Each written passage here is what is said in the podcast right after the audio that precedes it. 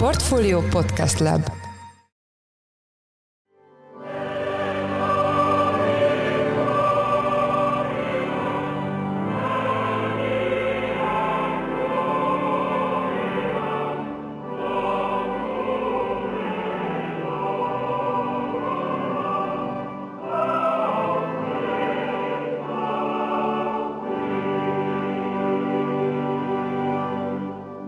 Happy Christmas.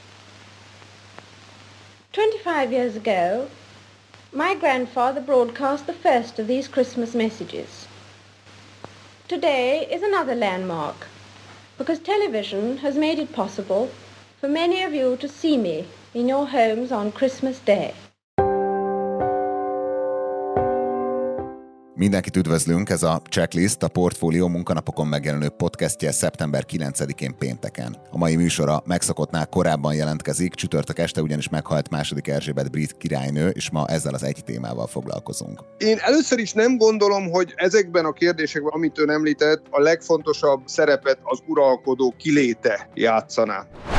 De az például elképzelhető, hogy ha mondjuk egy népszavazásra kerül sor egy ilyen ügyben, például a skóciai függetlenség, vagy mondjuk Észak-Írország esetleges újraegyesítése az írköztársasággal, tehát egy ilyen szituációban el tudom képzelni, hogy az, hogy már Erzsébet nem él, tehát ez a fajta az ország nagymamája szerep már, már betöltetlen, ez esetleg befolyásolhat embereket abban, hogy miként adják le a szavazatukat. A Portfolio Checklist vendége volt Pintér Károly, egyetemi docens, a Pázmány Péter Katolikus Egyetem Angol-Amerikai Intézetének vezetője, aki egyebek mellett beszélt arról, hogy milyen társadalmi klímában lépett hatalomra második Erzsébet 1952-ben, milyen főbb folyamatok jellemezték az uralkodását, de a mai adásban szó lesz arról is, hogy tekinthető-e gazdasági értéknek Nagy-Britannia számára az uralkodó család, és hogy milyen jövő várhat a monarchiára benne pedig a brit trónra. Én Forrás Dávid vagyok, a Portfolio Podcast Lab szerkesztője, ez pedig a checklist szeptember 9-én.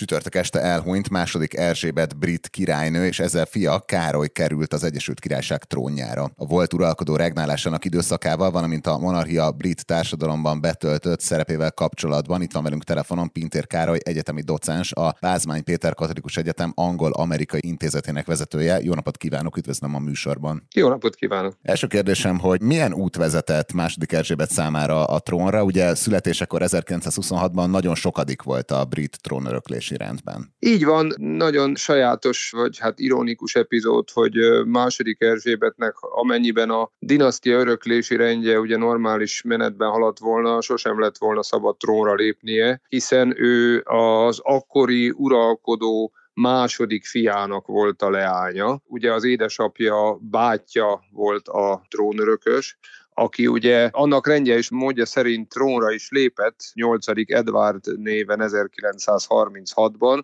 de ugye ez volt az a valószínűleg sokak által ismert botrány, hogy 8. Edward egy elvált amerikai nőt, egy bizonyos Wallis simpson szeretett, tehát ő vele akart összeházasodni, és hát a korszak normái szerint egy elvált nő nem lehetett királynő, tehát így 8. Edward arra kényszerült, hogy lemondjon a trónról még ugyanabban az évben. Így került a trónra az ő öccse, azaz Erzsébet királynő édesapja, akinek viszont csak lányai voltak. Ő ugye hatodik György néven lépett trónra, és miután ugye Erzsébet volt az idősebbik lánya, így örökölte meg ő a trónt, miután az édesapja egyébként meglehetősen fiatalon elhunyt 1952-ben. Milyen társadalmi és politikai viszonyok jellemezték Nagy-Britanniát a királynő hatalomra jutásakor? Hát szerintem a legfontosabb dolog, amit el kell mondanunk, hogy amikor Erzsébet hatalomra került, akkor a brit birodalom az még egy nagyon is létező, valóságos entitás volt. Ez mi sem bizonyítja jobban, mint hogy amikor nem sokkal azután összeházasodott férjével, ugye Fülöp herceg herceggel, aki ugye szintén elképesztően magas kort ért meg, ugye 99 éves korában halt meg,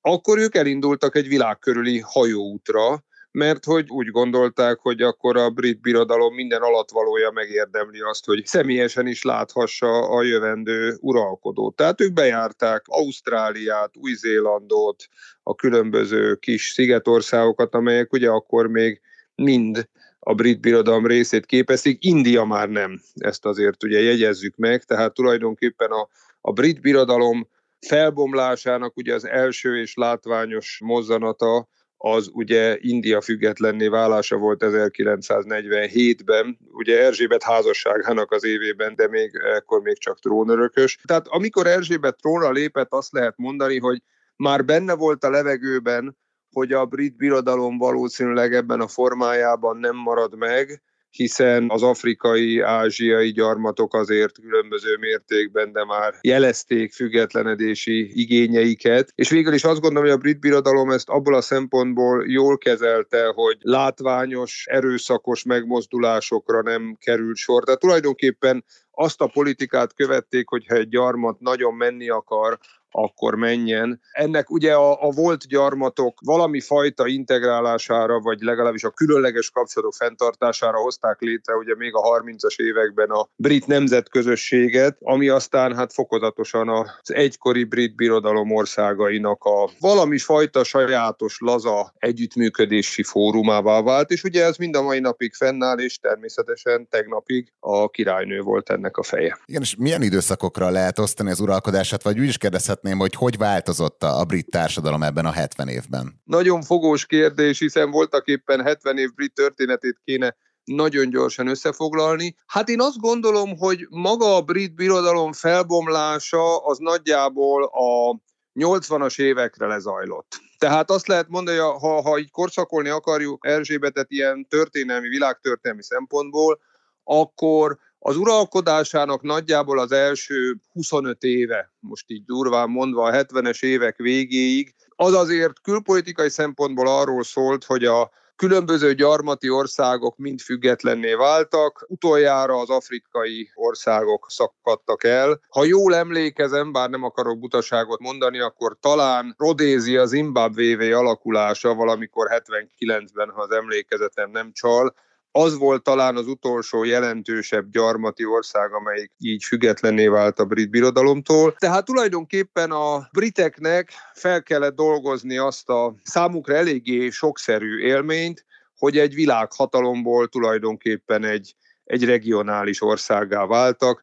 Nem véletlen ugye, hogy ezzel esik egybe a Nagy-Britannia csatlakozás az Európai Unióhoz, ami hát már akkor sem volt vitáktól mentes, hiszen a brit birodalmi öntudat azért úgy gondolta, hogy ők annál nagyobb jelentőségű hatalom, hogy beálljanak egy ilyen európai államszövetségbe, de végül is ugye ez, ez 73-ban bekövetkezett, és ez ez is valahol a Nagy-Britannia bizonyos értelemben véve nemzetközi térvesztését mutatta, hogy nem engedhették már meg maguknak azt a gazdasági értelemben azt a luxust, hogy kimaradjanak az egyre prosperálóbb és egyre intenzívebb, nyilván nem csak gazdasági együttműködést mutató Európai Unióból. Tehát ide tenném nagyjából a, az első korszakot. Innentől kezdve egy kicsit talán nehezebb, mert talán a királynő családjának a viszontagságai talán jobban korszakolják a későbbi uralkodását, mint, mint magának az országnak a, a, a története. Ugye nagyon emlékezetes a fiának és első feleségének, Diana-nak a története, ugye egy nagyon látványos házassággal indult a történet. Először ugye egy ilyen tündérmesének indult, ugye szép fiatal feleség, Diana hercegnő és Károly herceg házassága, hamar meg is születtek a gyerekek, aztán ugye, mint tudjuk, a házasság megromlott, kiderült, hogy Károly tulajdonképpen nem is Diana-t szerette volna eredetileg sem feleségül venni, tehát ez tulajdonképpen a család erőltette rá ezt a házasságot, hogy rangjának megfelelő királyi család, a rokonságban álló családból válasszon magának feleséget.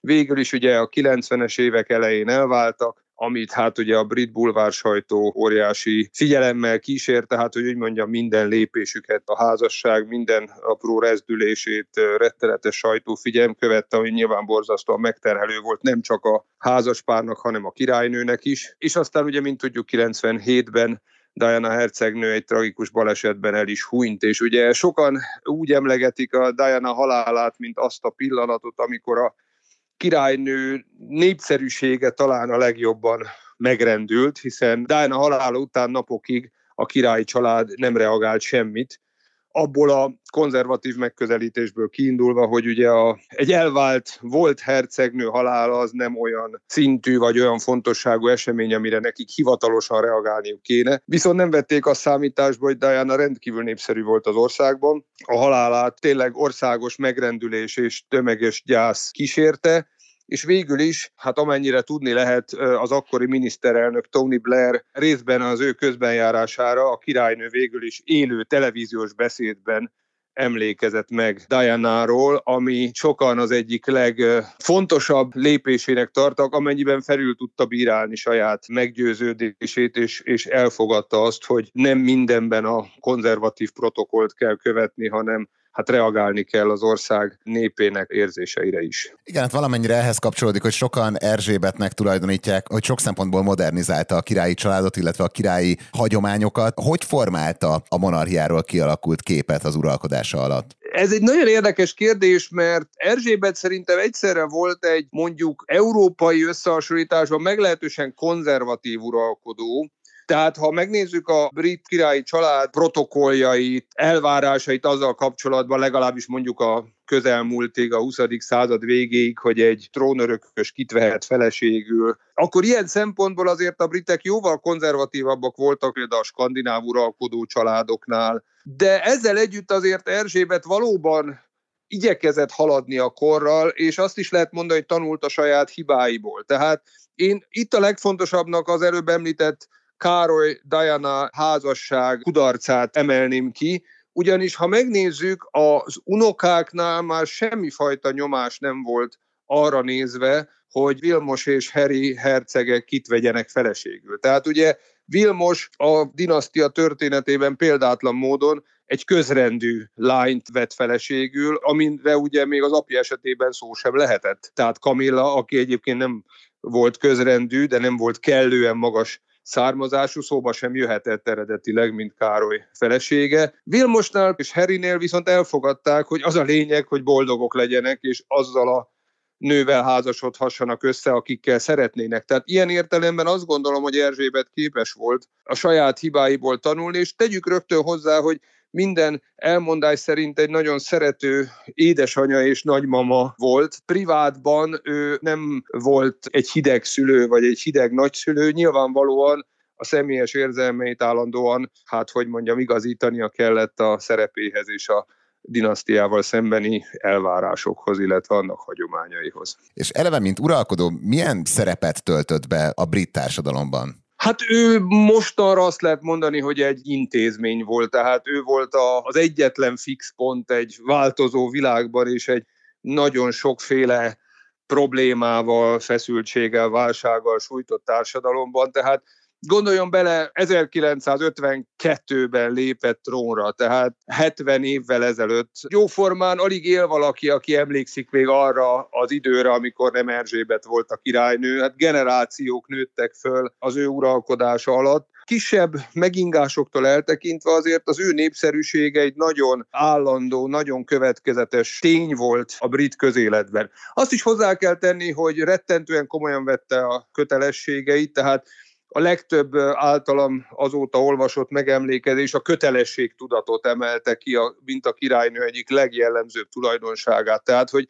95 éves koráig, gyakorlatilag pár hónappal ezelőttig jóformán minden kötelességét ellátta, megjelent a hivatalos alkalmakkor, a 70 éves jubileumi megemlékezéseken is amennyire tudott részt vett. Minden miniszterelnökkel, ugye hát nem is tudom így hirtelen, hogy hány miniszterelnök szolgálta az ő uralkodását, rengeteg. 17. Köszönöm. Minden egyes miniszterelnökkel heti rendszerességgel megtartotta ugye a hagyományos uralkodói konzultációkat, és a többi, és a többi. Tehát azt lehet mondani, hogy mintaszerű uralkodó volt, ami az uralkodó uralkodó politikai szerepét illeti, azzal együtt, hogy pontosan tisztában volt az alkotmányos keretekkel, tehát hogy ő nem szólhat bele érdemben a politika csinálásába, de diplomáciai értelemben a rengeteg külföldi útjával, a külföldi vendégek fogadásával ugyanakkor nagyon fontos diplomáciai szerepet is betöltött. És mennyire tekinthető egy ilyen gazdasági értéknek a brit uralkodói család? Ez mennyire vonzó tulajdonsága Nagy-Britanniának vagy az Egyesült Királyságnak? Nem vagyok egy turisztikai szakember, de biztos vagyok benne,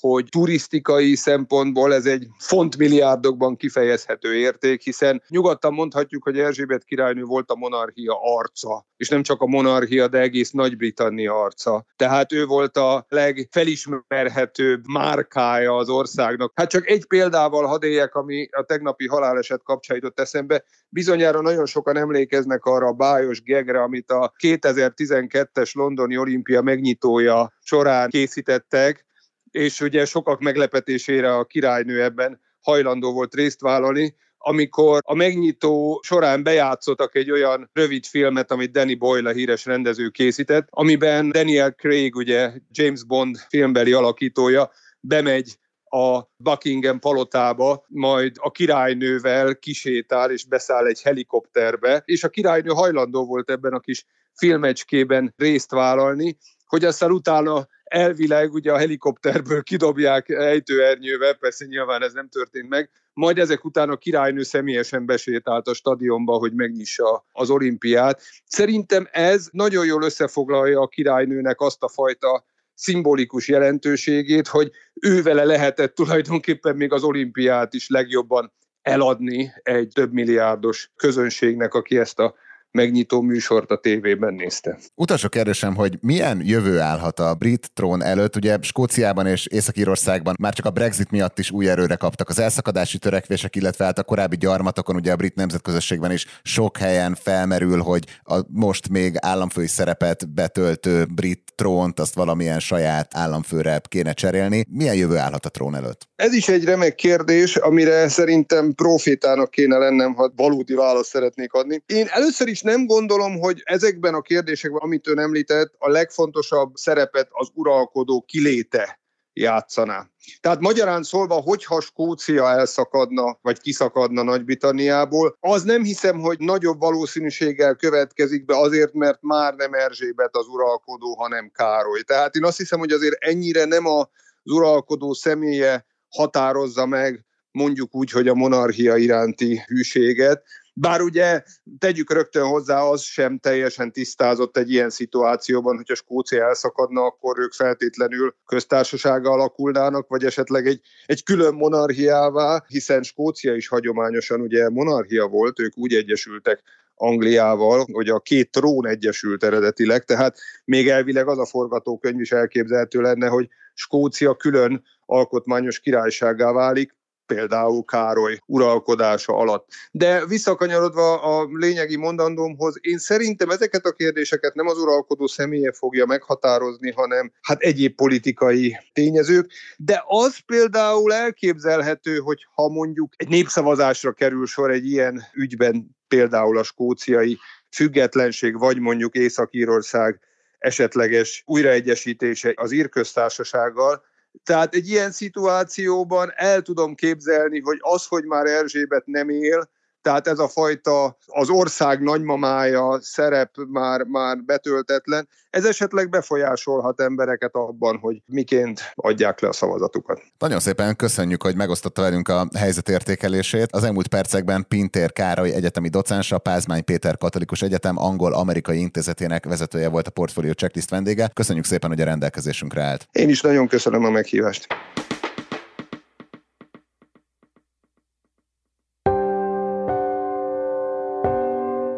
Ez volt már a Checklist, a Portfólió munkanapokon megjelenő podcastje. Ha tetszett az adás, iratkozz fel a podcast csatornánkra valamelyik nagy podcast platformon, például a Spotify-on, az Apple Podcast-en vagy a Google Podcast-en. Ha segítenél minket abban, hogy minél több hallgatóhoz eljussunk, akkor arra kérünk, hogy értékeld a Portfolio Checklist podcast csatornáját azon a platformon, ahol követsz minket. A mai műsor elkészítésében részt vett Bánhidi Bálint és gombkötő Emma, a szerkesztő pedig én, Forrás Dávid voltam. Új adással hétfőn ötkor jelentkezünk, addig is minden jót kívánunk, sziasztok!